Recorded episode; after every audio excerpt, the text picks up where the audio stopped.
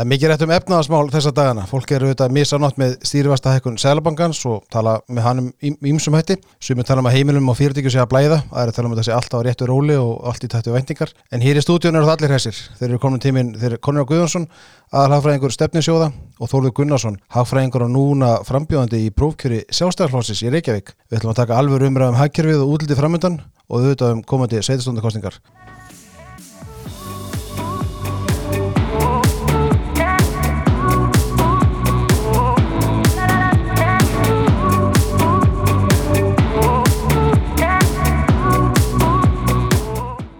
Velkominn Pildar. Takk. Já, takk fyrir að bjóða mér. Ég hef búin að vera diggur hlustandi frá fyrsta degi og Já, gaman að heyra. Mikil upp eða fá að koma. Já, já. Já, já, það er hérna, ekki hverjum degi sem að fara frambjóðandur í, í þáttinn. Þeim fer vantilega fjölgandi núna næstu, já, næstu vikum með þau Og Conor og þú komum nýtt hlutverk. Já, Þú varst, þú varst þetta hérna áður, þá varstu það fræðingur viðskiptar á Svo varstu komið til stefnis Já, ég var raun og verið bara að byrja í þessari viku og svona, já, er bara átt að með á hlutunum og svona já. komast inn í þetta allt saman. Svolítið breyting að fara aftur inn í fjármálageran en það verður bara mjög skemmtilegt og góðið. Spennandi verkefni þar. Já, er, Já. Ekki, er ekki Konráð eiginlega svona einn af stjórnuhagfræðingunum á Íslandi í dag? Jú, ég myndi segja það, alveg, alveg við getum alveg haldið því fram. Hann rónar þegar við segjum þetta. það, það er bara nei, gott og vel. Nei, nei, þetta er bara jákvæmt Já, já, það er bara gaman að hérna líka þegar að menn þóra að taka þátt í umræðinni, það er alltaf sem þóra því. Já, það er margi sem, sem sitja á sér, en hérna, ég hef nú ekki verið þekktu fyrir það, ég, ég læt nú yfirleitt svona flest flakka, sko. Já, já. Ég, ég hérna, var þess heiður ánöfndundi að vera á, á hérna, ásatið hagfræðinema fyrir nokkur árum og það eiginlega, ég fekk að halda ræðu og hún var eiginlega um það að þau ætti að tjá sig. Já. Þannig að ég bara ítrekka það og skora á hagfræðinga sem og aðra sem hafa eitthvað til málun að leggja þegar er þeirra sviði að tjá sig. Einmitt. Ég held að fólk sé allt og oft feimi við það að þessi místúlka og það verði einhverju brjálæðir. Það verði alltaf einhverju brjálæðir en þú veist, með svona passlegri auðmygta þá held ég að það ætti fleiri að tjá sig En hvernig er það sko eins og, eins og með þig að ég, sko, veist, nú þekki ég þetta úr pólitíkinni ég, ég, ég tek þátt í pólitísku starfi og maður færi auðvitað yfir sig alls konar guðsur sem er kannski verðskuldar og það er ekki, já, ekki. en hérna, sko hvernig er að vera hagfræðingur og vera tjásug um þú veist, efnaðasmál og svona samfélagsmál sem að auðvitað eru einhver leitur en pólitíst eða þú ert ekki mm -hmm. pólitíkus tekur þú veist, gaggrinni nærriðir eða hvernig uh, Já, það kemur alveg, kemur alveg fyrir, ég get alveg hjáta það, sérstaklega, þú veist, undur líka áttamæður sé á því að maður sé að segja, sé búin að segja eitthvað, æ, þetta var ruggl uh -huh. og ég var að minnstúlka þetta eða þetta var aðsnarlega orðað eitthvað svona, uh -huh. að þá alveg tekur maður til sín en ég held að það sé bara, það er bara rosalega góðu skóli, bara svona persónulega fyrir mann að, þú veist, reyna að læra því, þú veist, þegar maður kannski, þú veist, fer yfir striki eða hvað er og svona, já, já. á hverjum bara þroskaferli sem er mjög holdt, uh -huh. þannig að neini, maður bara, þú veist, tekur eins og það er sko.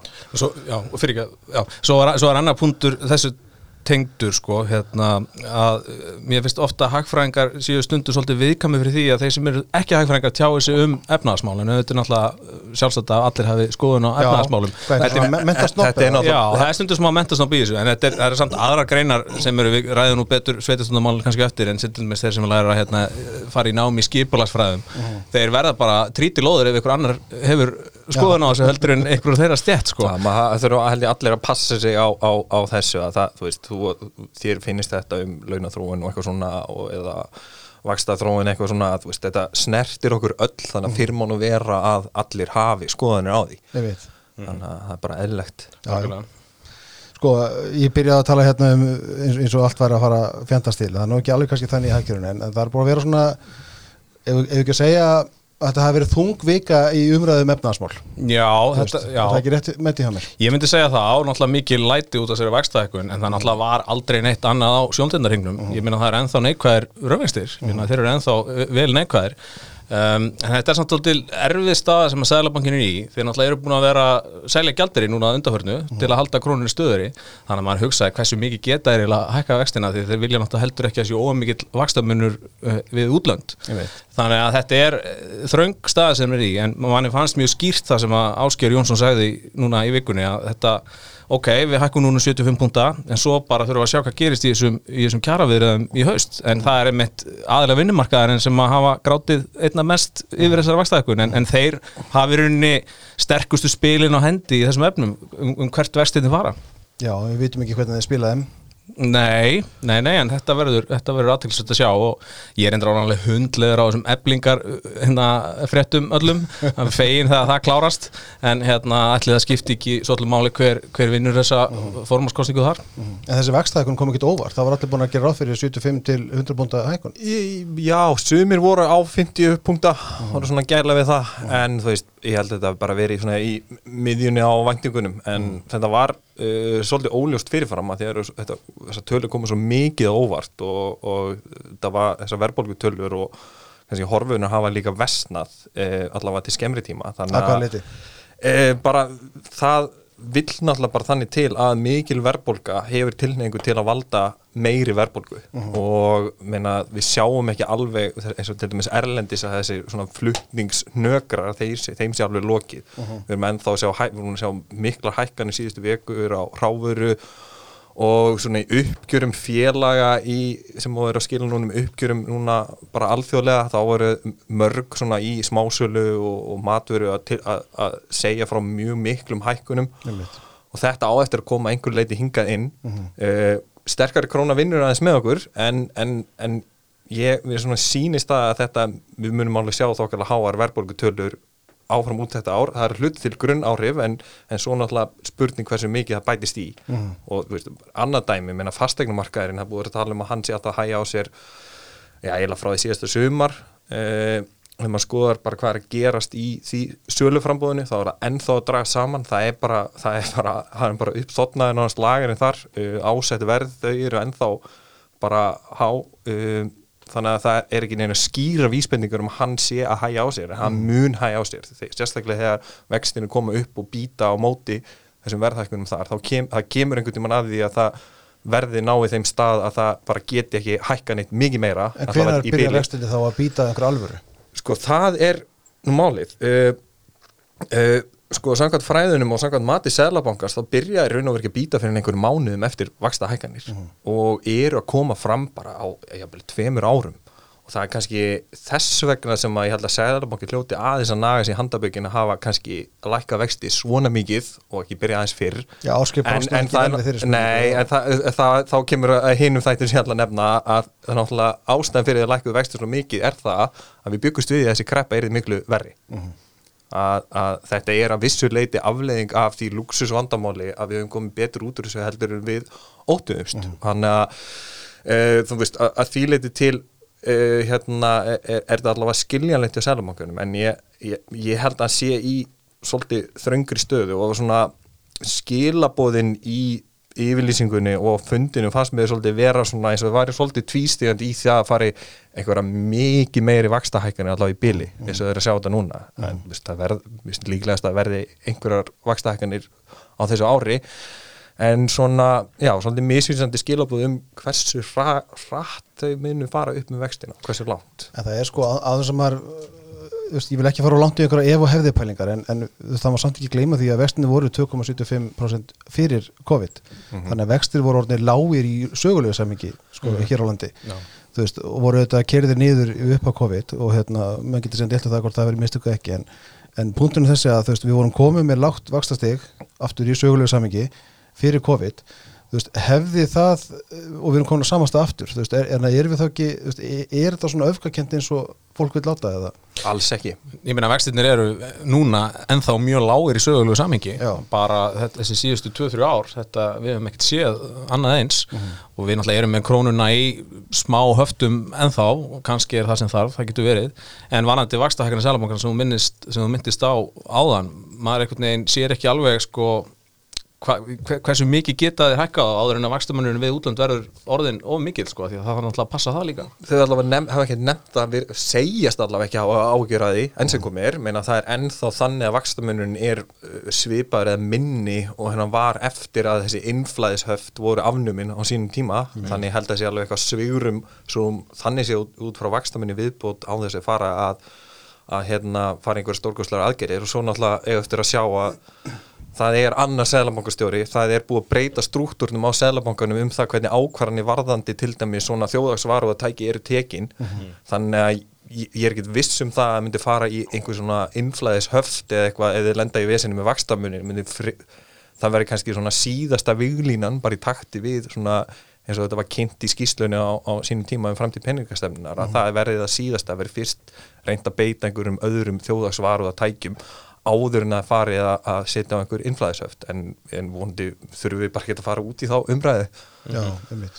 En við allavega, ef við bara förum hérna 10, 12 eða 13 án aftur í tíman þá hérna átt var engin gældirisforði og bara ellendastæðan var bara neikvæð um, um hérna, mörg þúsund miljardar og nú erum við að tala um það hversu mikið gældiri þarf sælabangin að selja til að halda krónunni niðri. Þannig að við erum samt á miklu betri stað en við vorum fyrir 10-15 árum síðan. Það er engin spurning um það En hvað áhrif hefur þetta á heimilina? Því allt, allt, að lóku snýst alltaf um heimilsbókaldið. Já, já Og Já, ég meina, ég held að, ég held að uh, auðvitað náttúrulega verður dýrar að taka húsnæðislán en það sem að uh, nefndi hérna áðan, það er ekki neitt til ég meina, ég fylgist ansi vel með þessu svona fastir með þessum hvað kemur nýtt inn og þessar randýru íbúður hérna niður við höfn það eru byrjað að dett út það er einhverjar að kaupa sér hérna, 150 km íbúð og 200 miljónir, mm. það, það er bara byrjað að gerast um, en á einhvern tíma þannig alltaf bara að auka, auka frambóð íbúðið hérna, ég held að verði minn ekkit lækka við það en, en hérna ekki?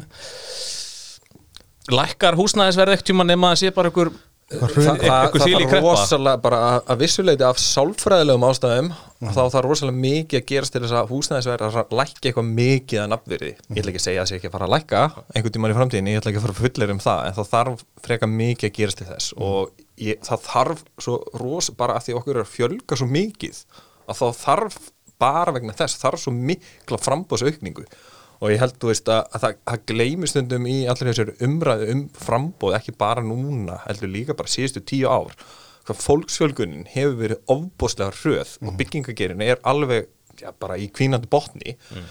að, að það er svona, okkur er svona ákveðin vorkun í því að það hefur ekki tekist að byggja kannski alveg jafn mikið á við vildum.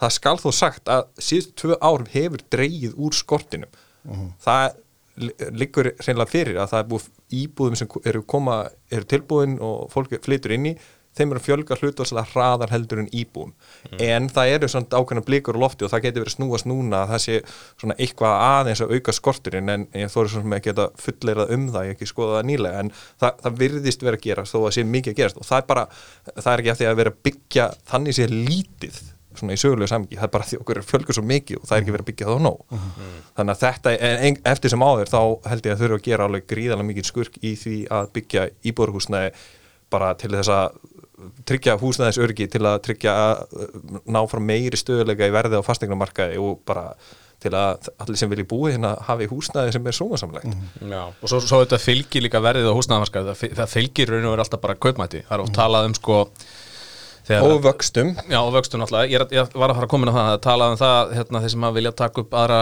gjaldmila hérna sko, þá allt í nú verði miklu læri vextir en þá náttúrulega, ég minna, flestir horfa bara á hvað ræði við að borga mánuði mhm. -huh. og, og er ekkert endilega að spá í hvert til hlut allir milli greiðsla og höfustólu eða, eða, eða vöxtum sko, þannig að og við sáum þetta bara gerist hérna, vextir lækkuð rætt og þá bara hækkaði húsnæsverðið á móti þannig að þetta, þetta á endanum ræðist þetta á kaupmætti, kaupmætti almennings, húsnæsverðið Er sko kannski beina þessu spurningu til þínkonar því þú hefur náttúrulega starfaðið sem gera sko. ég meina menn litu á vöxtun, en að lækkun vaksta sem sko kjarabót hérna sko mm. fyrir tveimur árum. Þú veist það var, ég meina afborgarnar á lánum lækkuðu og ég meina Haldur Benjamin talaði um það þegar hann kom inn í þátti mín að þetta væri bara liður í kjarabótum að lækka vexti og ná fram lágum vöxtum í landinu. Já þú veist, nú voru þeir að hækka þeir eru að hækka þetta rosa mikið. þeir eru, lægir, þeir, eru ennþá í takt við það sem að til dæmis uh, var hverð á svona óbeint í lífskjærasamningnum þá hefur það náðist og ég held ég að sérstaklega í verðkjæra hún, hún er ennþá en hún er alltaf búin að ganga tilbaka einhverju leiti bara að því að það var farið ennþá lengra út af COVID mm -hmm. til þess að reyna að örfa hagkerfi til að íta undir eftirspurn og svo framvegis sem að, uh, já eins og ég segi, virðist að það tekist væntingar, hvað segir þau? Ég sé skapar það kannski svona falsar væntingar um Þa, það er svo, já það kannski svona allavega umræðin að dæma virðist vera að fólk hafi einhver luta vegna haft væntingur um þetta var í bara varanlegt ástand að við væri með 1% stýrivexti. Mm eitthvað sem hefur aldrei gæst, eitthvað sem að, að spólaði bara 5 ár og aftur 100 ár aftur í tíman og, og segja ykkur um það og þá myndi við komandi segja að þú væri brjálæður mm. þannig að, að, að það var kannski ekki raunæft að gefa sér að það myndi endast endalust mm. þó að veist, meina, getur Ísland orðið lágast að land og verið með lága vexti til framtíðar veist, það er alveg mögulegt og við getum verið einhvers staðar sem við getum fara aftur upp í 6-7-8% vexti sem við höfum verið með kannski sögulega hvað þá herri mm en svona ég held að fólk þurfa aðeins að setja þetta betur í sögulegt samengi svona, og, og svona, svona stundum anda aðeins með nefinu að því að já, þetta, er, þetta er fyrst og fremst staðið sem við erum í núna er fyrst og fremst að því að það gekk betur en við þorðum að vona og allar þessu örfuna aðgerir hjá ríkinu og sælabankanum Mm. hafa virkað nánast of vel. Já, að ekki að maður vilji segja of vel en það er að virka of vel. Og, og, og líka eitt í þessar umræðu um verðbólgunum sem ég veist alveg ótrúlega gleymist að það er hlutur ríkisins. Vegna þess að hversu mikið ríkið er að styðja við bara eftirspunni í hagkerfinu og þar að leiðandi að, að, að kind, svona, viðhalda verðbólgunni, ídöndu verðbólgu bara með því að auka bara peninga umferð og svo framvegis að það stíð á því á síðast ári var, e, e, e, á þessu ári er svipað og e, svona cirka núna er svipað og var 2020 og ég myndi halda að það væri ekkit rosalega heppilegt og ekkit heppilegt fyrir Sæðlabanka sem er að reyna að halda okkur í kringum 2,5% verðbólgu. Já, útskýr það eins betur Þa, það þýðir bara það að þú tekur tillitið stöðunar á hagsveiflunni að núna eru við uppsveiflu og að, að útgjöldin og hvernig tekið struktúrin og hvernig útgjöldastruktúrin er hjá ríkinu hann samræmist í raun og veru því að við séum í kreppinu sem var 2020 Já. það er svipað mikið verið stiðið við hagkerfið. Við sjáum það ekki í hallanum vegna þess að við erum í uppsveiflu en um að tekur tillitið þess þá er ríkið að gefa ríkið er ennþá svolítið á bensingjöfinni og ekki, ég hef allavega ekki séð að sé verið að taka fótinn mikið af henni eða stíga á bremsuna. Og ég held að það muni vera já, já það gæti verið svolítið krefjandi fyrir pólitíkina að horfast í augu við það og hvað þá, já, hvað þá gerir því? Ætlum við að hjálpa selamakkanum eða að láta hann bara einn um þetta eða hvað að gera? Og þetta er risastórt úrlausnar efni og ætti að vera stór umræðupunktur í verðbólgunni upp á það hvernig við ætlum að reyna að ná þessu niður ef þetta er ekki, að því gefna þetta sé ekki bara skamtíma skot sem að sannarlega allir vona en maður óttast að sé kannski ekki alveg raunin og þá er þetta mjög knýjandi spurning. Hvað ætla ríkið að gera?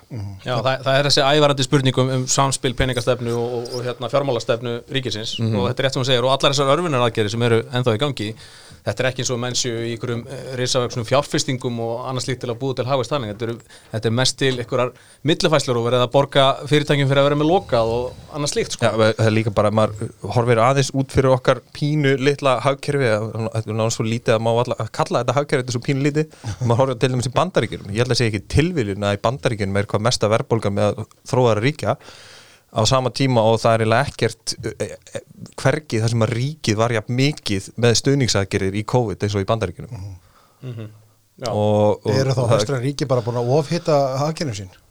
að einhver leiti já, en það var að sama skapi er þetta hluta til út af því að við vorum svolítið í ókunnuðu löndum mm. þær, þær, erlendur ríkin voru líka í þeirri stöðu gátt ekki beitt pening, peningastefninu með sama hætt og við og eh, alveg eins og hér þá heldur menn að þetta yrði uh, verra.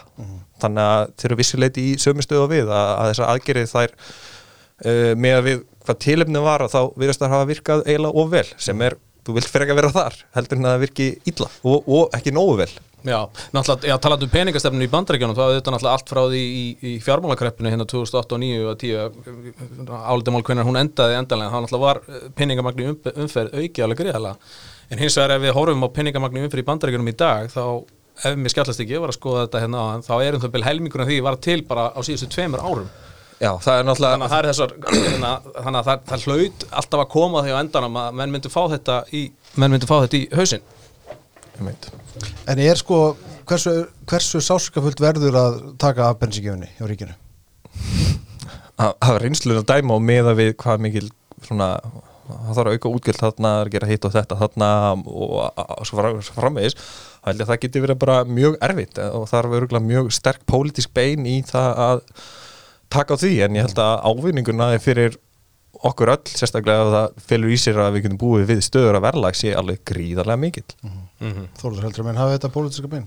til að draga úr þessum stundisækjurum já, ég minna það er náttúrulega mikið af, mikið af fólki sem að vinnum við það að, að hérna, hvetja til þess að þeim verði haldið áfram og það kemur raun og óvart hvað þetta er en þá eh, í gangi í, í miklu mæli en náttúrulega lausnin út úr þessu endanlega er bara að hverfa frá þessum sótnundanakjörðum og það sjá allir það sjá allir hver staðan er. Það er bara þannig þegar menn eru komnir sko af stað með eitthvað ákveðið narratív í politíkinni þá sko verist, menn þurfa svolítið að kingja stoltinu til, a, til að bakka út úr því. Þannig að ég held að þetta ráðist svona svolítið af því sko en ég held að það sé engin engin stjórnmálamæður sem er að fara að koma eitthvað ill út af því að, að leggja niður þessar stöðnísakirir og einhverjum tímapunkti þurfum við bara hérna, að harka á okkur og hérna, að halda áfram Var hagkerfið í stakk búið til að taka boltan sjálft? Það held ég, ég Eða atvinnulífið Já, á? ég meina atvinnuleysið er hérna lækkar hratt og með maður fylgist með þessum hérna, fylgist með auðlustum störfum það bara bætast nánast morgundur störf við á dag, þannig að það er nóg að gera fyrir alla, það er bara spurning um spurning sko hérna, að það er kannski bara huga, hugafarið hjá bæði stjórnmálamönnum og, og þjóðinni þarf að breytast og hérna reyna bara að setja hennan faraldur fyrir aftan okkur, ég held að það sé fullt tilefni til þess. Já, við erum ekki alveg komið þangað, því miður. Nei, en, en við, minna, það, sjá allir, það sjá allir hvernig tölundur á landsbyðilum þetta, þetta hérna, allt saman lítur út. Þannig að hérna, ég held að við séum fyrir löngu komin á þeim það er alltaf að tala með við séum eitthvað þrejum vikum eftir Danmörku og eitthvað svona sko. En hérna, ég held við verðum að setja þetta fyrir aftan okkur núna og, og hérna, reyna að fara að lifa lífin aftur. Eru þið ekki að búin að fá COVID hérna? Jú, Ég, ég veit það ekki, en ég einhvern veginn hefði á tilfinningunni að ég sé búin að fá þetta og hef ekki vitað að því. En, en að ætlum maður verið ekki að fara í mótænum mælingu. Já. eins og forvitin, ég er ekki eins og lendi í sótkví eða neitt sko, Nei, já, ég, fekk, þetta- ég er búin að fóta stíðsvar tvísvar Já, já, ok. Já, hún fekk hérna, fekk náttúrulega ákvað að fara í Janssen í sumar en, en var svo miklu, sko, ég, ég fann ekkert fyrir þessi fyrirskiptið sem var hérna alveg í byrjun. Já, ok. Svo fór ég í Janssen hérna síðan sumar. sem átti að vera vesta sem átti að vera vesta, ég fann ekkert fyrir því þá. Fór bara í mótanumælingu og var með mótefni. En hérna, svo var ég alveg ansi slappur þannig í september, núna síðast. Já, en hérna, allir maður sé ekki bara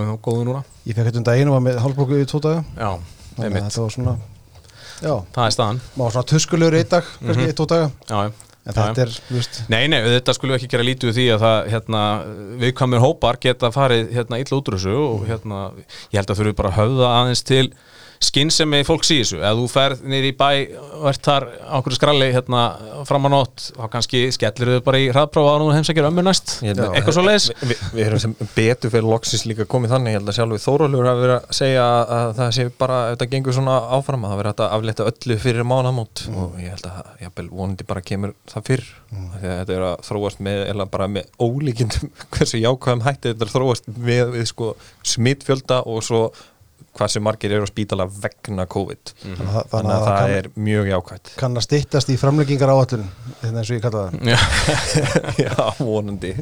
Já, ég man á eftir því það var þessi þryggja vegna gluggi hann síðasta sumar, það sem öllu var aflétt. Já, hann fór hann út að borða hann um kvöldi sko og þetta var hann nýri bæ þetta var svona svipakostemming og það Ísland vann England þannig á EM nýri bæ.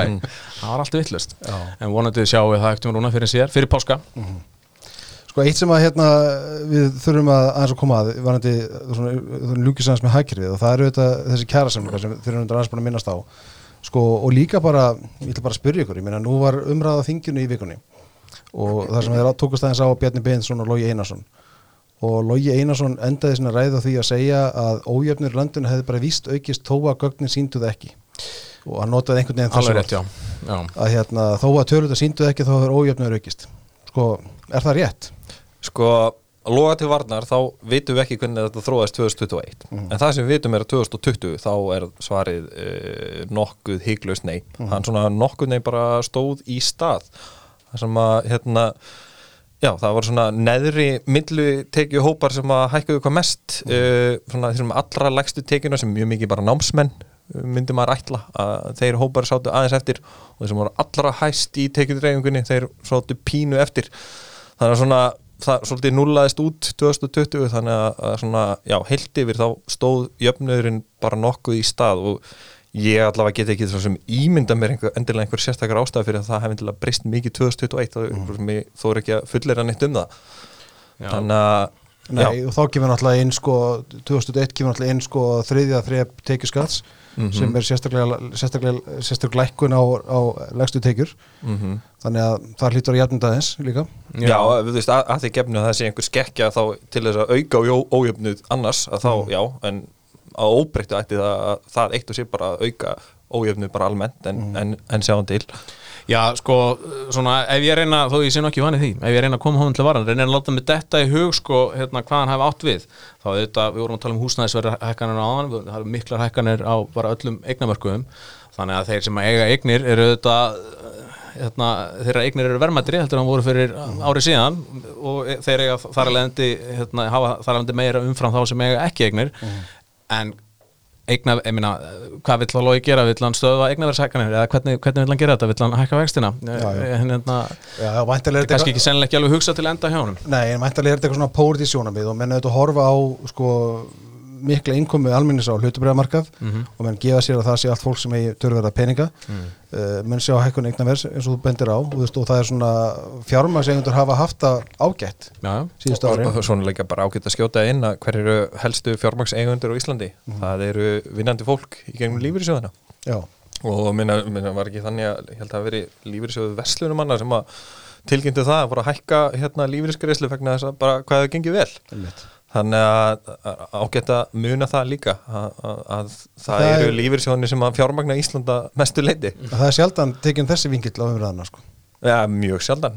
En þetta er náttúrulega bara greiðlega mikilvægt bara fyrir hagkerfið og bara fyrir kjör almennings í landinu hvað er búin við stert og upplugt lífyrirsjóðakerfi Mhm. Já, það hefur, hefur nú reynda verið bent á sko að, hérna, að lífeyrissjóðarnir uh, séu kannski, uh, hvað finnst þér um það konar? Finnst þér of umfangsmiklir fjárfæstar í Íslandsku hagkerfi?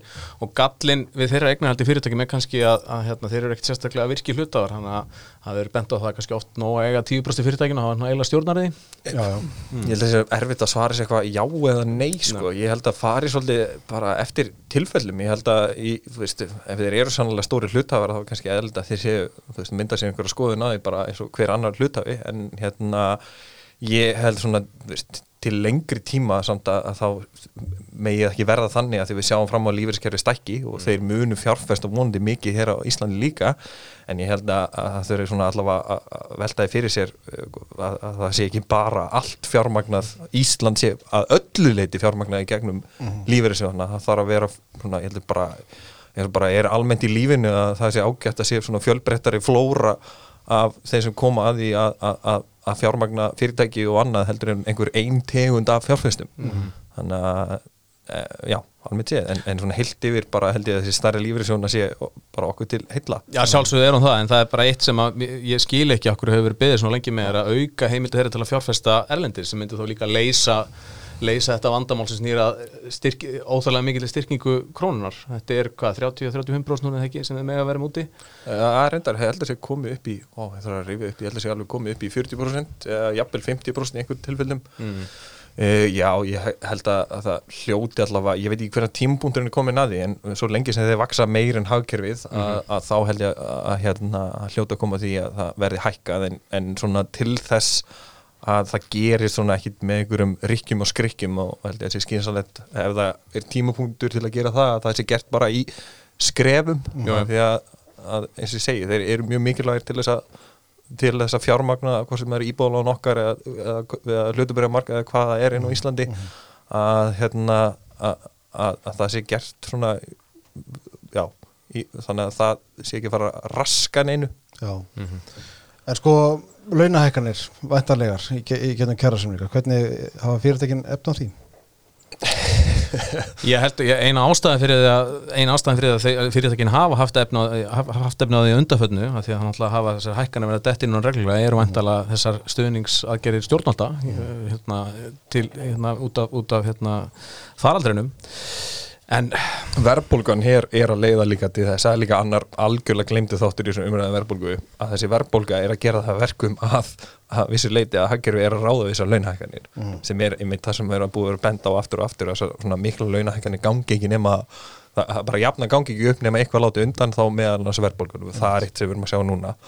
Og það er kannski til að svara þessu og setja eitthvað samingi að, að hérna og með þessar nýju spá sæðlabanka sem kom í vikunni þá er bara áframhald af því. Þar er verið að spá því að launakostnaður á framleita einingu uh, hækki um ríflega 7% á þessu ári og 5,5 næstu tvö. Hvað þýðir það? Það þýðir það að laun eru á vinnustundir að hækka umfram framleiðni eru þau að hækka um þetta 7-5% uh, til að samræmins verðbólgumarkmiði til lengri tíma það þarf að vera 2,5% þannig að með þessum launahækkunum sem eru teiknað inn í þáspá þá er verið að senda raungengi launa í hæstuhæðir og senda launa hlutfall í hagkjörin í hæstuhæðir Og- það Það hefur gert það sögulega. Mm. Meina, það, það er verið að senda í það háar hæðir að ekkert annað hagkerfi í heiminum býr við það. Mm. það er verið að senda í það háar hæðir að þegar við höfum farið svo hátt að það verið eitthvað látið undan. Eins og til dæmis verðbólgan hefur verið að gera núna til þess að rétta þetta af. Og það er kannski þess vegna sem maður kannski óttast það að það gæti verið áskorun að reyna við uh, þessar, hérna, að- eiga við þessar launahækkanir. En þetta er spá og ég bara veit að fyrir víst að, Sæðlabankin náttúrulega bara gefa sér hvað kemur út úr kjærasamningum, það veit það enginn. Þannig að ég held að sé mjög mikilvægt að, að þetta veri haft í huga uh, sem að hefur því mér ekki alltaf verið ef, ja, sennilega nánast aldrei í kjærasamningum í Íslandi sem ég þá. Einmitt. en, en menna, já það er gríðarlega mikilvægt til þess að tryggja atvinnustig og verðstöðuleika að launa þróunin sé í samræmi við verðbólgumarkmi og framleiðni sem er ekki í þessari spá. Og vonandi rætist hún þá ekki. Gæti þetta komið niður í auknu atvinnuleysi? Í aukun aðtunleysi, maður sér það ekki svona til skemmri tíma. Eh, það hefur verið talað um það undahöfnu að, að hérna var ekki Haldur Benjamin hjá Vessa að tala um það að við þurftum að flytja inn útlendinga hérna til að vinna, vinna, vinna öll eh, eða st- hann, störfin. Hann er Sigurðarsson var, var, hérna, var að skrifa greinu það jú. Mm þannig að ég kannski sé það ekki til skemmri tíma. Er ekki, hefur ekki verðbólga verið svona þrálátara vandamál í Íslandi heldur en atvinnuleysi. Þannig að maður svona hallast nú yfirleitt að því að, að það verið frekar raunin og Sælabankin verðist vera sama sinnis. Þannig að hérna það er ekki verið að teikna um mikið atvinnuleysi þar. Að meina mennum atvinnuleysi sem svona vandamál er eiginlega nánast og ótrúlega hátt. Það er bara að hverfa ef ekki nánast horfið svona fyrir utan náttúrulega fyrst. það er fólk sem er atvinnulegs sem er erfitt með að finna vinnu og það er svona ennþá mismats og þetta tekur tíma þegar búið að raska öllu svona mikið að fólk finnir sér vinnu við hæfi og, og, og svona en svona á, á stórum skala er þetta ekki vandamáli sem maður óttaðist að yrði langvinnar heldur en hefur reynst. En þannig að það aftur enn og aftur að að öll þessi þróun þessi verðbólga, þessar vakstahækkanir þetta er afleðing af því að við erum að koma miklu betur út úr þessu heldur en ég held að nánast nokkur hafi þórað að vona. Já, Já, það kerir fljóttana fyrir styrk. Voru, það voru komnar, er ekki menn að tala með þetta hafi verið 5% hagvistur á síðast ári? Er það ekki Jú, hérna- tæplega það. Og að vera að hækka áalluna um hagustin og, og sem að var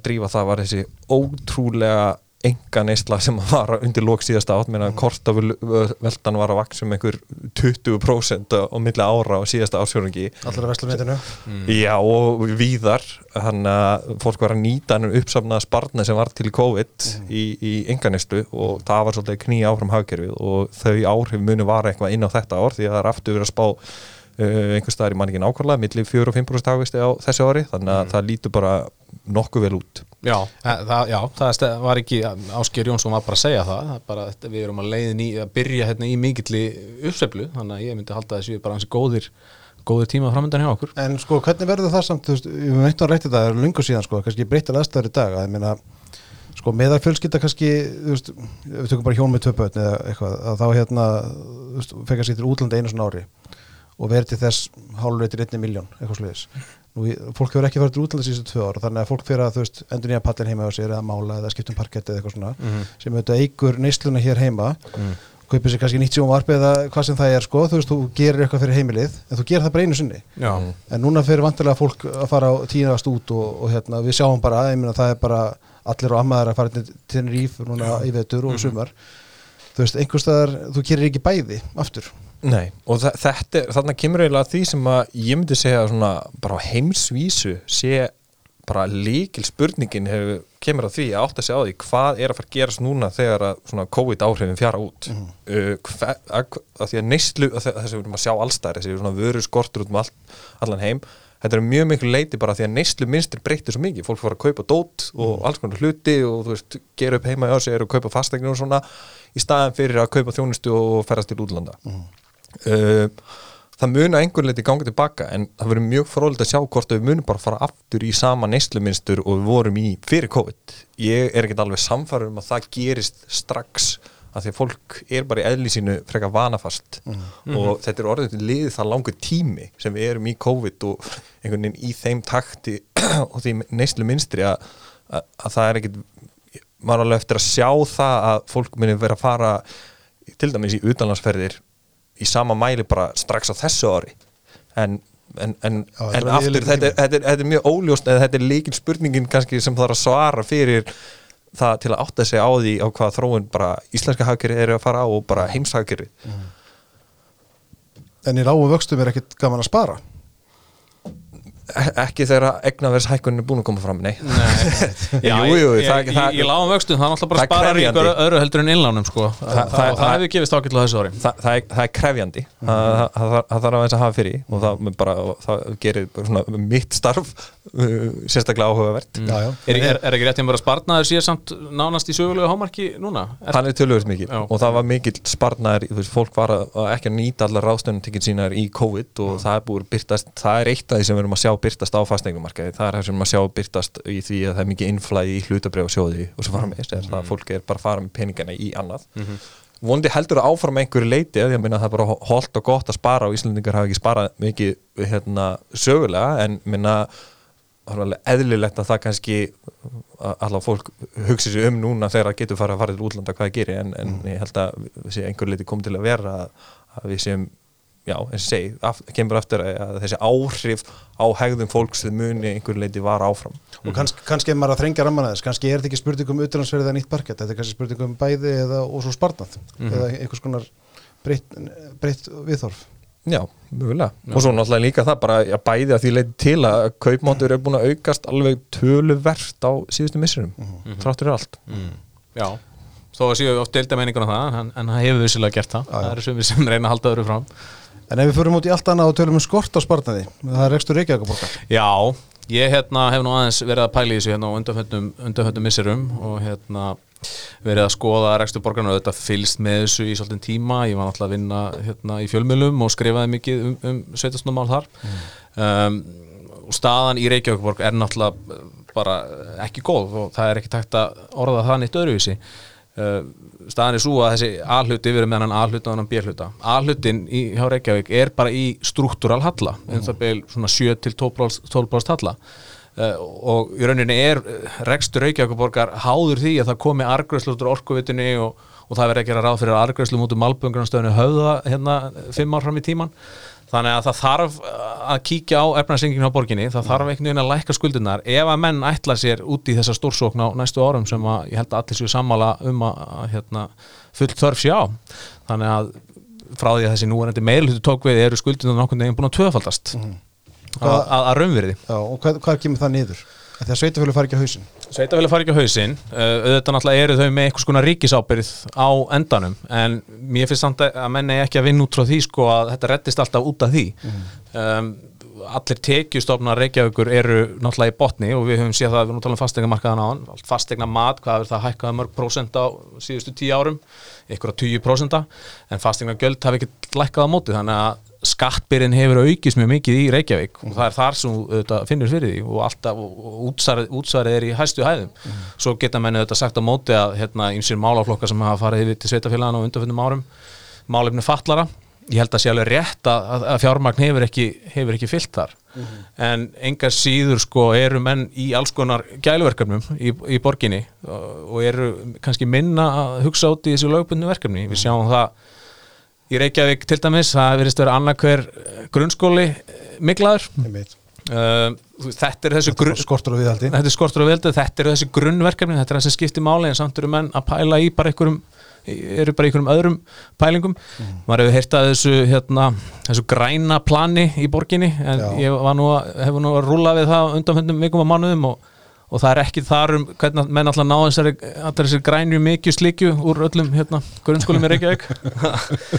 Þannig að mér þetta er gaman að sjá eitthvað lausnir þar. Já, uh, nýjundu bekkur í Hagaskóla hann þarf að mæta upp í Ármúla uh, nýri í Laugadal er þetta orðið vandamál líka. Börn í Fossvogi hafa verið rakkólum árun saman. Já, já. mér veist einhvern veginn að menn þurfi bara aðeins að taka eitt skref tilbaka og skoða hver eru þessu grundallaverkefni og kippa þessum, hérna, ég leiði mér að sletta þessum basic hlutum í lag, af því að þeir eru ekki í lagi núna. En sko innviða uppbygging í sveitafjölun lítur að skipta máli svona til lengri tíma, þú veist, hún þarf að eiga sér stað. Hún þarf að eiga sér stað og náttúrulega stóra hérna, stóra átakalína núna er þessi borgarlína.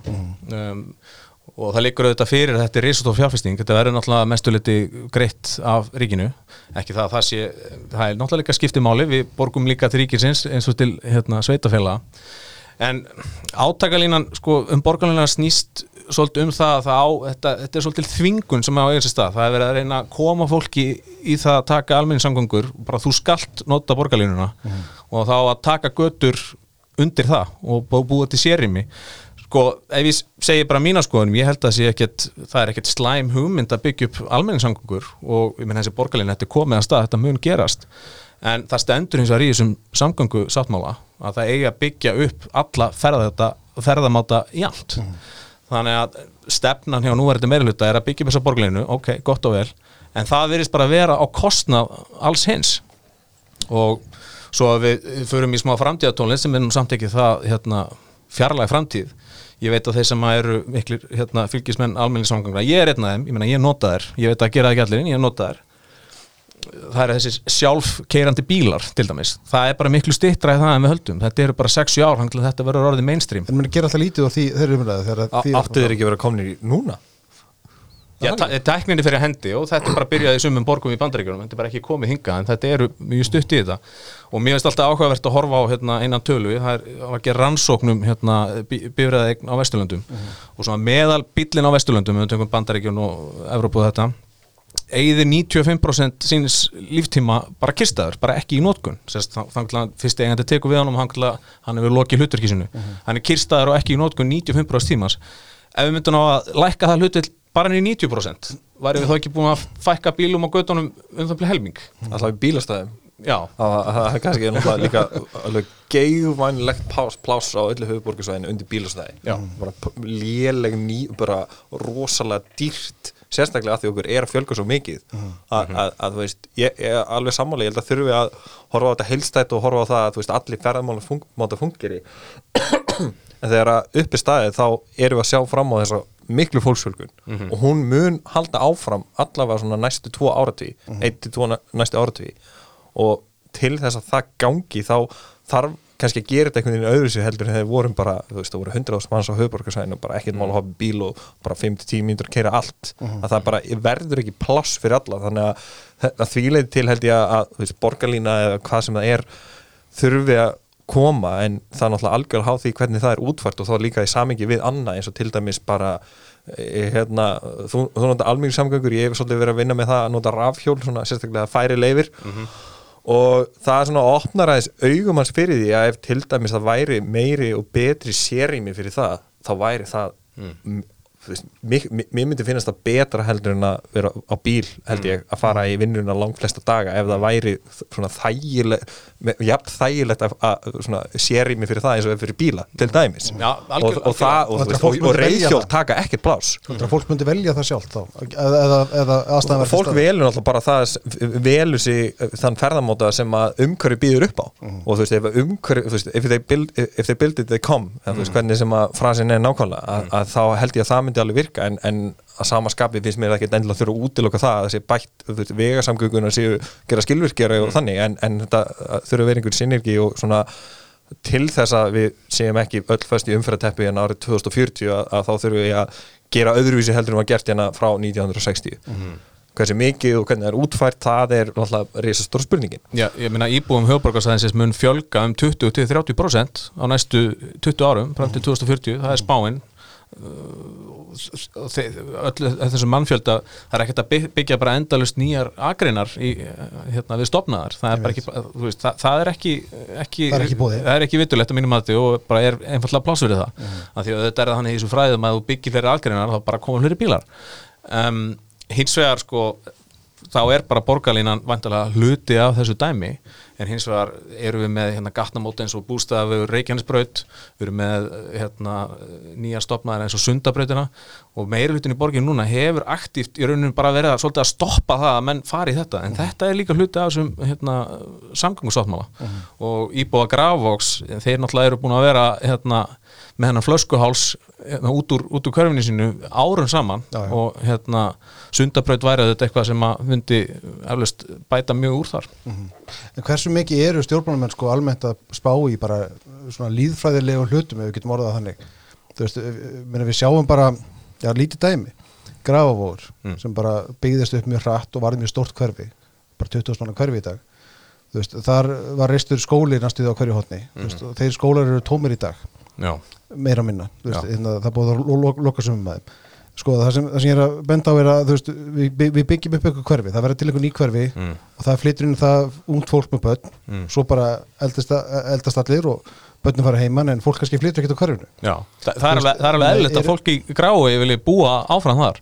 Uh, en er verið að byggja til dæmis verið mögulega til í að minka vissi, fara einbílisúsin og kaupa einhverja íbúi í grái en það er einf- einfaldlega ekkit verið að byggja það, það er bara, sko, þétting byggðar er alveg góra gæld að vera, það hafa alveg að halda því áfram, það hefur alltaf verið gert en það verður samt líka að, hérna, að gera eitthvað annað, sko, heldur en það. Ég held að það sé, um þetta stendur náttúrulega deilan, sko og og það er ekki sjálfgefa að vilja flytja úr einbilshúsi eða góður aðhúsi í grafui eða grafarhaldi nýri sko, hérna, íbúð á valsvæðinu. Nei, nei, og eins og við vitum þá hérna, maður er ekkert minna vanafastum með árunum sko. En, en, en þá komum við öðru sko. Ég, ég er, er svona, myndi halda ég, ég sé freka mikið þéttingar sinni, ég held að það sé í raun og veru að því að dreif, byggðin er svo rosalega gisin á höfuborgarsvæðin í dag, ég held að eina leiðin til þess að stýtta ferðartíman og það þurfi að minga umferðina og til þess að borgarlínan og, og þessi aðri ferðarmáti séu físilegir sé þe þe að þétta byggðina sem mest. Er ekki útiloka að það sé einhver útæðsla áfram. Og, en ég held að það ekki gleymist í því að það er hægt að þétta ekki bara innan uh, hérna, sagt, norðan Kópavóks og hérna, vestan við Elleðar það er, minna, við við erum að tala um Grávók það er alveg nóg pláss þar til að þétta og raun og veru minna, veist, að vera byggja upp á guðfunni sí einhverjum skilningi er það þétting byggðar þannig ég held að þurfum meginu líka alveg hu- hugsa um þéttingu byggðar svona alveg aðeins út fyrir 101 og ef maður gerir það þá svona blasa við tækifærin til þess út um allt. algjörlega. Já, af því að eins og, eins og þú myndist líka hérna á gísli fyrir nokkur vikun síðan þar sem að uh, þetta verist vera stríð milli austur og, og vestur hluta borgarinnar. Já. Já, maður upplýður það svolítið oft hannig já, emitt og auðvitað náttúrulega sko ég er sammálað því að þetta þessi frasin heitir á einsku urban sprawl, borgarskrið þar sem að er sífælt verið að stækka landsvæð það er, auðvitað viljum við það síður sko, en það þýðir ekki við hljótum að geta farið einhverja millilega í þessu og við sjáum bara hennar húsnæðaskort núna því að það er reynilega ekki verið að byggja þetta því að það má ekki brjóta neitt land og, og, og, og, það má ekki þétta neinstæða nema hérna, nálat miðbænum. Það, það, það er stefnan eins og ég veit það til dæmis að hérna, íbúðar í smáðbi okkur inn í Reykjavík það er hann að graspali sem líkur hann framhjá við miklubreytuna við erum búin að vera að byggja hann um uh, hljóðmön hann árum saman sem er afturkræð framkvæmt myndi ég halda, en því vil alltaf verið neitað því að það er að koma blokkir hana þannig að þetta er oft orðin konar svona trúabröð sem við þurfum svolítið held ég að reyna að koma okkur út úr. Já, já, og það myndi hérna, augláslega eins og við bendið á, ég menna ef það eru byggðar upp íbúðir til dæmis í Gravarvogi meira, að þá myndu, myndu þetta einbilsvostur los, losna líka og ráðhúsum sem Já, að- og, og líka, veist, og sko. líka sem er algjörlega í þessum anda að, að þá skapast sterkari fórsendu fyrir því að þjónusta og einhverju leiti störf séu í sterkara mæli innan þess hverfis Mhm. sem er bara algjörlega í takt við held ég, stefnu sem að sem maður horfir á það, ég held að það sé mjög rosalega erfitt að vera ósámála Mhm. Já, það er eins og þessi umræða sem er núna í gangi um þessa landfyllingu í skerjaferði Uh, ég var að reyna að átta mig á hvað áttu við að segja semst, við verðum að gera þessa landfyllingu svo að hverfið sé sjálfbært. Að byrja, ok, hvernig virkar þetta? En það, það sem eiga við er að það, það þarf meira pláss og sé þetta byggja skóla þarna og svo sé þetta að vera með hérna, þjónustu starfsemi. Þannig að þú í rauninni komist upp með það get, ne, kannski fyrir utan það að vinnu að koma þér í vinnu hérna, getur farið allt fótgangandi. Og þetta er auðvitað, auðvitað alveg sniðu hugsun þannig sko. En fókusin má samt ekki vera engung á þetta. Ég meina, við erum komin, kom, komin í húsnæðiskortirna sko, þannig að hérna, þetta er ekkit grín og menn leysa ekki húsnæðaskort á nokkrum mánuðum. Nei, það, tek, sem. Það tekur svolítið tíma sko, það er ímislegt í pípunum en hérna, og svo er það líka þetta, öll þessi leifismál, þetta tekur allt á langan tíma, við innum er hérna, sóttum að breyta ykkur í bílskotinu sínu verið einu og halvu ári og það bara er ekkert að gerast í þessu. Þannig að ef ég er eitthvað verktæki sem ætla að byggja eitthvað húsökstæðar, ég get ekki ímynda mér hérna, hversu flókið það ferli er. En vonandi vonandi verður hægt að gera þjónustu borgarinnar hérna, skilverkari fljótlega og það er þessi, þessi stafræna væðing eins og þetta stafræna Ísland sem Andri hefur með. Þetta er auðvitað eitthvað sem að er hérna rétt skref uh, og ætti að geta lækkað rekstakostnað og aukið, aukið skilvirkni en svo náttúrulega er borginu þetta með sinn, sinn háttin á því ólíkt að ríkinu ráða forritara og hérna í stórum stíl. Já, það er hluti, það er, hérna, hluti af þessu mikla plani þeim að hérna, stafvæða þjónustuborgarinnar og alltaf ráða, ég held að það hefur 70 sérfræðinga uh, til að byggja þetta upp á næst, næst, næstu árum um, í staðan fyrir að semja við einhver í, engaðalum í staðin fyrir að vera bara með þetta eins og ríkið með þetta bara með einhvern rammasamning með einhver 20 einhver sem einhver 20-30 fyrirtækjur inn í og segja bara við höfum þetta núna, við höfum þetta núna. Og við erum strax búin að sjá árangur út úr því. Stafran aukurskýrstinin, stafran fæðingavottorð uppæsla á Ísland.is það er alltaf gerast þar. En þetta, þetta byrjaði síðastur í borginni, það er ekkert að gerast. Og samt að maður að heyra það að Reykjavík borg sé að stela starfsfólki af fyrirtækjum út í bæ.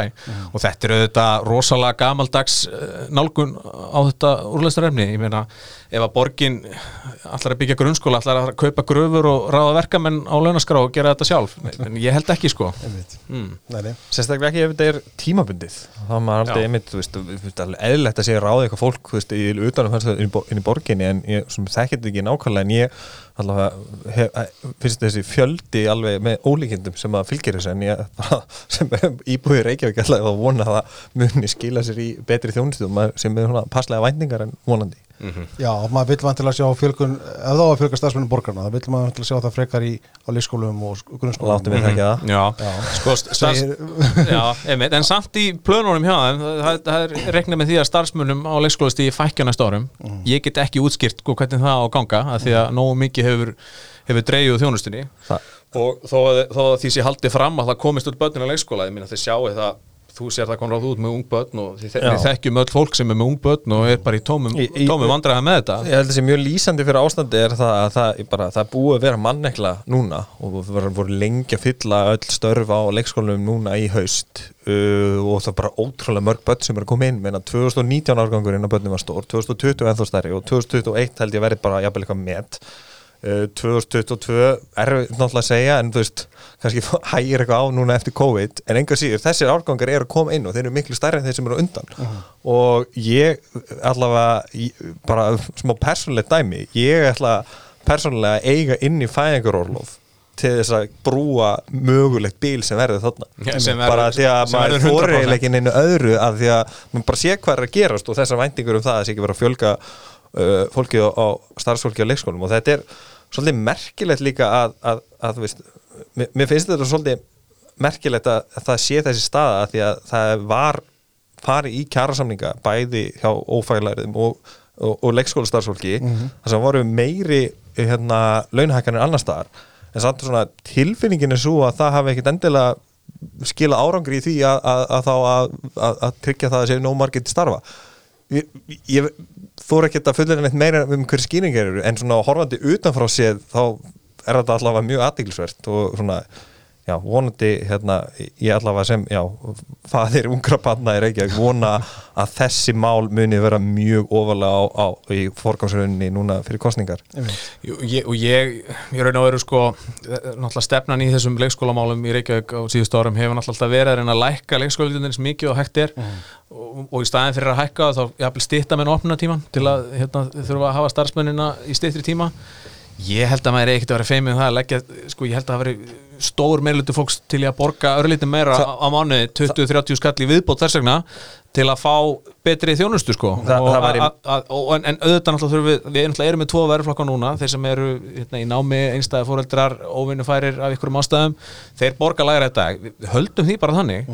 En sko fyrir full, eða það eru tve- hérna, tveir, tveir fullvinnandi á heimilinu þá held ég að það sé alveg svigurum til að hækka Það- það leikskólagjöld, við skulum ekkert vera feimið við það, til þess að gera þjónustuna betri. Það væri ofbúðslega áhugavert ef einhver er að hlusta og langar að gera könnun. Að gera könnun á þessu meðal foreldra leikskólabarna, bara ekkert nefnilega bara í Reykjavík, bara út um allt höfuborgarsvæði mm. þetta er náttúrulega vandamál víða þegar ekki bara að fjölga bönnum í, í Reykjavík. Að bara gera könnun á því hversu mikið væri þú til að borga til að fá x meiri þjónustu eða tryggja starfsorgi fólks betur og starfsánægja hvað það er.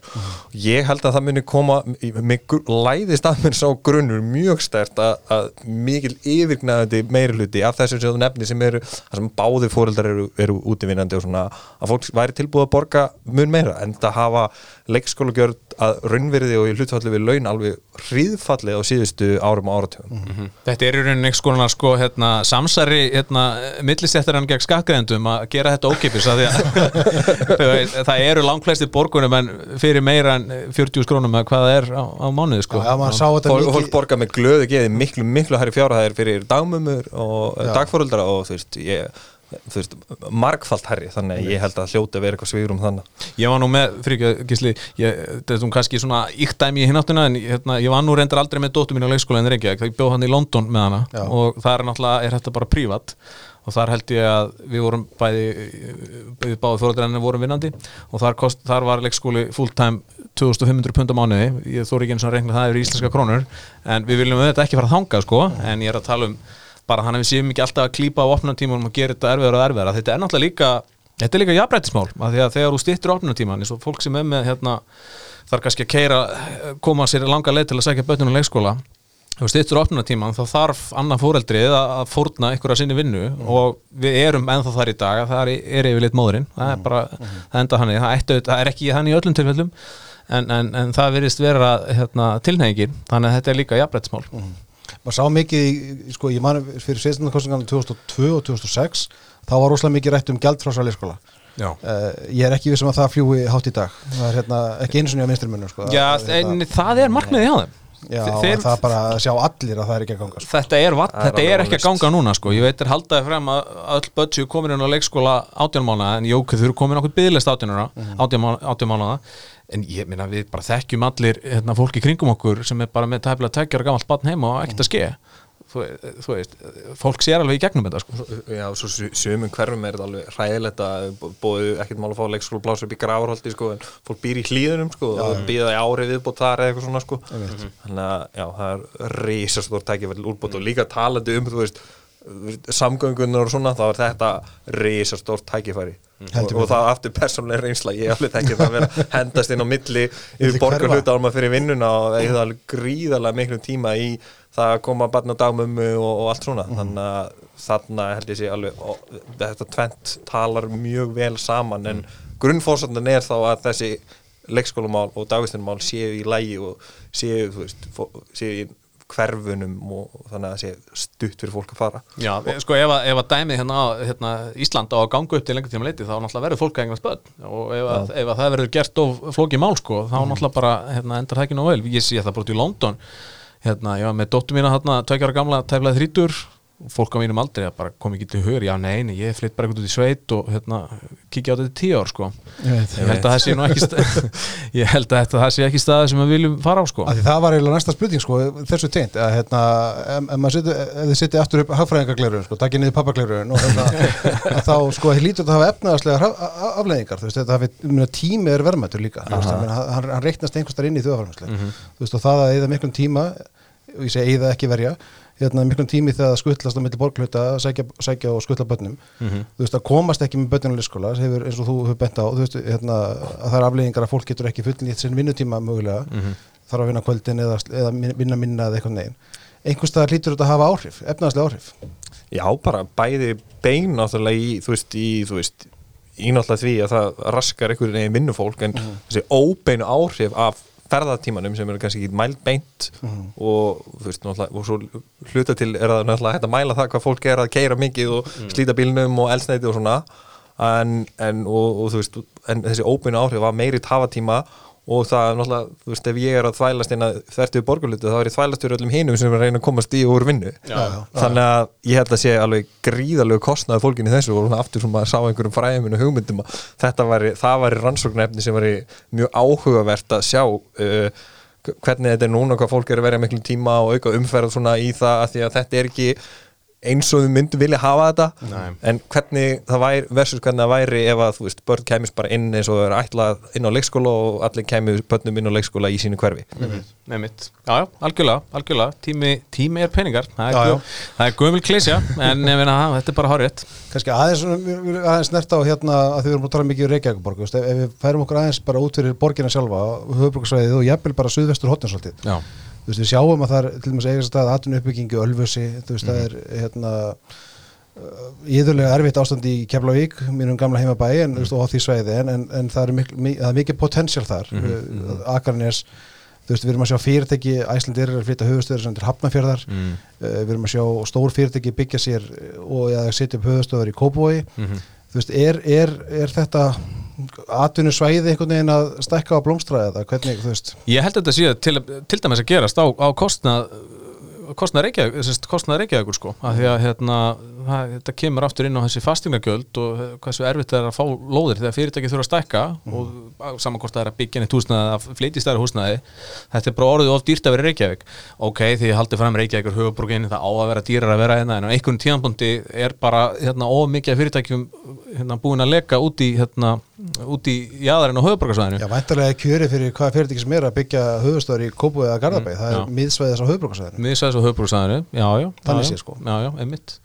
og kannski eðlilegt þróun og svo líka kannski sem eðlilegt í þessu er að það er náttúrulega við, veist, bara hvernig verslunar og atvinnuminstur er að breytast og mun einhverju leiti breytast varanlega gegn COVID að það þarf minna skrifstofurými og það meira þannig að þú veist út af öllum þessum heimsendingum og netverslunum og þá þurfa allir fleiri stærri lagar og vöruhús það er allt í jaðrinum og þá getur svona jaðarsvæði eh, bl- blómstrað einhverju leiti bæði íbúðbyggð og og já, fyrir þessum meira kannski?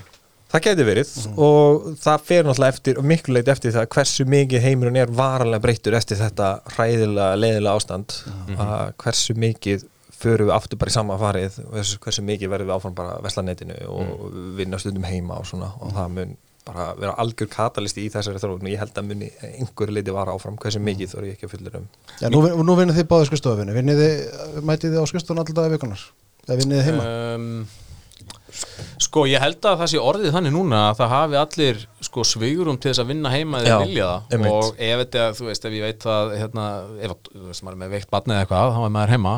En jú, ég, sko, það er samt ekki gaman að hanga heima hjá sér alla daga, sko. Ég, ég verið þannig svona bara bæði síðan bara strax í nýju starfi og í fyrra starfi að það er bara svolítið þannig að þú vilt ekki vera mikið heima. Þannig er nú yfirleitt mætt sko en þetta er rosalega þægilegt að- geta stundum verið bara heima og, og þú veist hérna uh, stundum er það bara gott þú vilt einbytta þér, stundum er það gott til að brjóta upp stundum einbytta þér út með veikt batni eitthvað þá er það rosalega þægilegur og góður möguleiki og maður er búin að koma sér upp heimaskrifst og, og svona þannig að ég sé alveg fyrir mér að maður muni gera það einhverju leiti áfram. Taka, taka einn og einn dag heima. Einn, þetta, er, Já. þetta, þetta er svolítið þannig, einn og einn ég, ég ger það sjálfur sko, Já. það búið þægilegt, Já, öðru hvoru. en, en hins vegar finnst mér sko þessi Teams og Zoom fundir þetta er ógæðislega leðilegt maður. Nefn, það eru mjög góði fyrir svona einföld úrlösnurefni sem þarf að ræða og eru fleiri en einn að þá er þetta mjög gott en fyrir, fyrir fundið þar sem það fara yfir ímislegt og eru margir þá er þetta alveg er þetta svolítið þreytt. Já,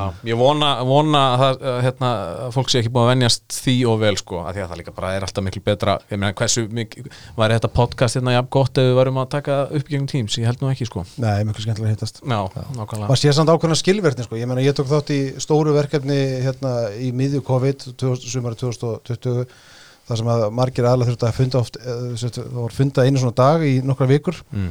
og það var alltaf tímstundur kl. 11 Mm. og, hérna, og það var bara tölvan opnaði og þú tókst hérna, þína umræðu eða svo sem átt að koma ykkur að punkt að gera það og fundur búin á þátt hálf 12-12 Mm þú veist, maður þurfti ekki að keira á staðinn þetta var kannski 20 manns, þú veist, það þurfti enginn að keira þið veitir hvernig þetta er, maður keira á staðinn það er smá chit-chat og það er verið að tala um leik sem var í gæri eða eitthvað sem ekki að gera já. svo byrja fundurinn 10 myndum á seint og hérna og dregst alltaf sko, þannig að þetta er sv- svona kannski hefur þetta kosti, en, en varanlegi tímsfundir verður náttúrulega alveg umurlega leðilegt Já, það er bara vægast sett sko. En það verður vantilega sko, ég meina, ef þú ert með 10, 15, 20 manna fyrirtæki jafnvel 100 manna fyrirtæki, mm. skrifstofufyrirtæki ég meina, í framtíðin hljóta menn að þurfa, ég segjum svo með 50 manna fyrirtæki, Já. allir á skrifstofu það þýr ekki endur að þurfir 50 skrifborð og 50 plás, það verður alltaf einhver veikur heima, það er alltaf einhver í Já. útlöndum það er alltaf einhver í orlofi eða sumafríi eða þú veist, þannig að mæntilega þurfa menn að horfa svolítið til þessa svona Já, það er líka orðið algengara í fyrirtækinu í dag að það er í rauninni ekki í rauninni föst skrippborð, það eru bara tveir skjáir og líklega bara mús og svo eru bara með fartölu og Teng, og bara sitja jafnvel á mismöðandi stöðum sko, Þetta, frá þetta, degi var, til dags. þetta var meira sem að byrja að víða fyrir Já, COVID já, Það bara Íslandsbanki já. gerir þetta einna, einna fyrsta svona, eitt af svona fyrsta stórfyrirtækjum sem gerir þetta Mhm, og við tekist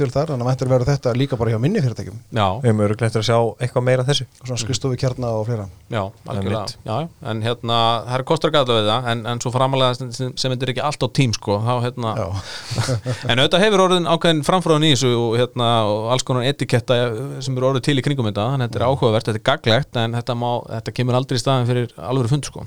Einmitt. það er ég að segja bara rétt í lokin sko, svona í sögulegu samengi hérna, ekki það að vilja enda þetta mjög neikvæða nótum sko, en hversu, hversu stór verður COVID-krísan í samanburði við þú veist, hérna hrunið 2008, netbólu hrunið hérna, hvað er við eftir að marka COVID-krísuna í efnaðarsögunni? Uh, ég har ekki sko þetta með við nýjustu það tölur maður heldur allir að þetta yrði bara verðan hrunið, Já. basically Já, og bara ég sjálf að verið jafn ánæg með að hafa rátt fyrir mér eins og núna mm. ég, þú veist, við náttúrulega í höfum, þú veist, í hagvexti þá höfum við svo sem nokkuð veginn tölunar um hvernig þetta mun líta út, sko og það sýnist mér þetta þetta er snörp og frekar djúb kreppa en þetta er ekki eins og efnagsunni, þetta er ekki eins langvarandi. Við erum að koma svo fljótt aftur upp þó að verið alveg þessi gríðarlega mikli samdráttur 2020 og aðeins fram á árið 2021 Mm. að, þetta er að koma svo rosalega hratt tilbaka það vinnur svo rosalega mikið á móti því svona hvar maður setur þetta niður í samanbörði við annan samdrátti þetta er stærra, þú veist að nefnir netbóluna þetta er stærra en það, en þetta er ekki eins og efnarsunni og svo líka annað sem að þetta er svo eðlis ólíkt öðrum kreppum að svo staðrættu höfum náða að fara í gegnum þetta og að viðhalda svona kaupmátti uh, landsmanna er ansi magnað í raun og veru. Og, og það jafnvel svona finnst mér frekar hallaði að þessum svona minni kreppum í raun og veru þó að hefði verið bara þe- það sem kannski svo vondi þessa er hún svo rosalega miskipt að lendi Já. svo rosalega illa á ákveðnum geirum en aðrir bara blómstruð eða bara gekk ágætla Vi- vi- og allt þar á milli. Við, kann- hérna á Íslandi kannski líka nutum þess að við erum hérna í tölvöld mikilli bara frum, frum vinslu, við erum að tala um sjárótvegin og sölun á ramagni, það kom hann að skörp dífa hérna uh, nokkra mánuða skeið árinu 2020 og sem endist aðeins fram að 2021 en svo hefur þetta bara komið tilbaka og, og miklu meira en, en, en gott betur. Þannig að það var í rauninu bara túrismi sem datt út ínna en við vorum með tvær mjög öflugar aflvelar sem heldur samt áfram og eru aldeilis að aldeilis að mæla gull fyrir okkur núna þó að hérna, það sé eitthvað lítið, lítið, lítið í lónanum hjá landsækju núna en, en við vonum bara að það sé hérna tímamöndi Einmitt. Herru drengir, ég ætla að fara að ljúka þessu. Það var gaman að fá okkur og hérna gaman að taka þetta spjall við ykkur. Takk fyrir komuna.